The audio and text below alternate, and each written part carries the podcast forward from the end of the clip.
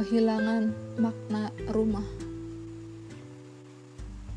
Lebaran kali ini berbeda ya. Mungkin ini pertama kalinya lebaran tanpa keluarga.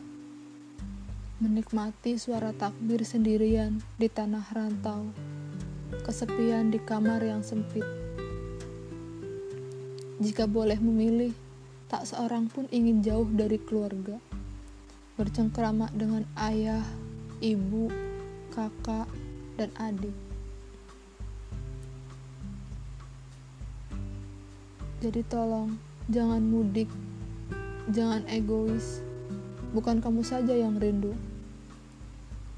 Tolong dijaga agar semua bisa kembali seperti semula. Kami anak rantau yang kehilangan haknya. Lebaran adalah momen terindah bagi kami anak rantau.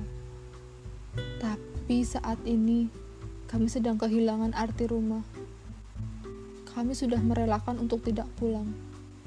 Padahal lebaran adalah momen terpenting bagi kami. Karena belum tentu tahun depan akan bertemu lagi.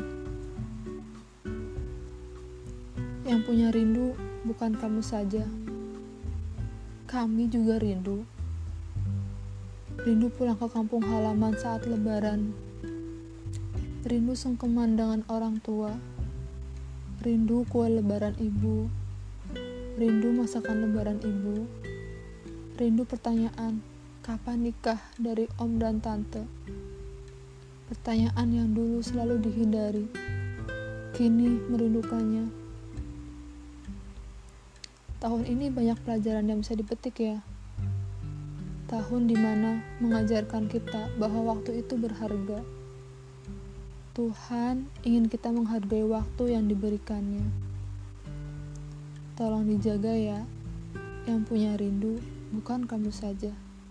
Entah sampai kapan sedih ini akan berujung. Selamat Hari Raya Idul Fitri. Mohon maaf lahir dan batin. Kalian hebat yang memilih untuk tidak mudik.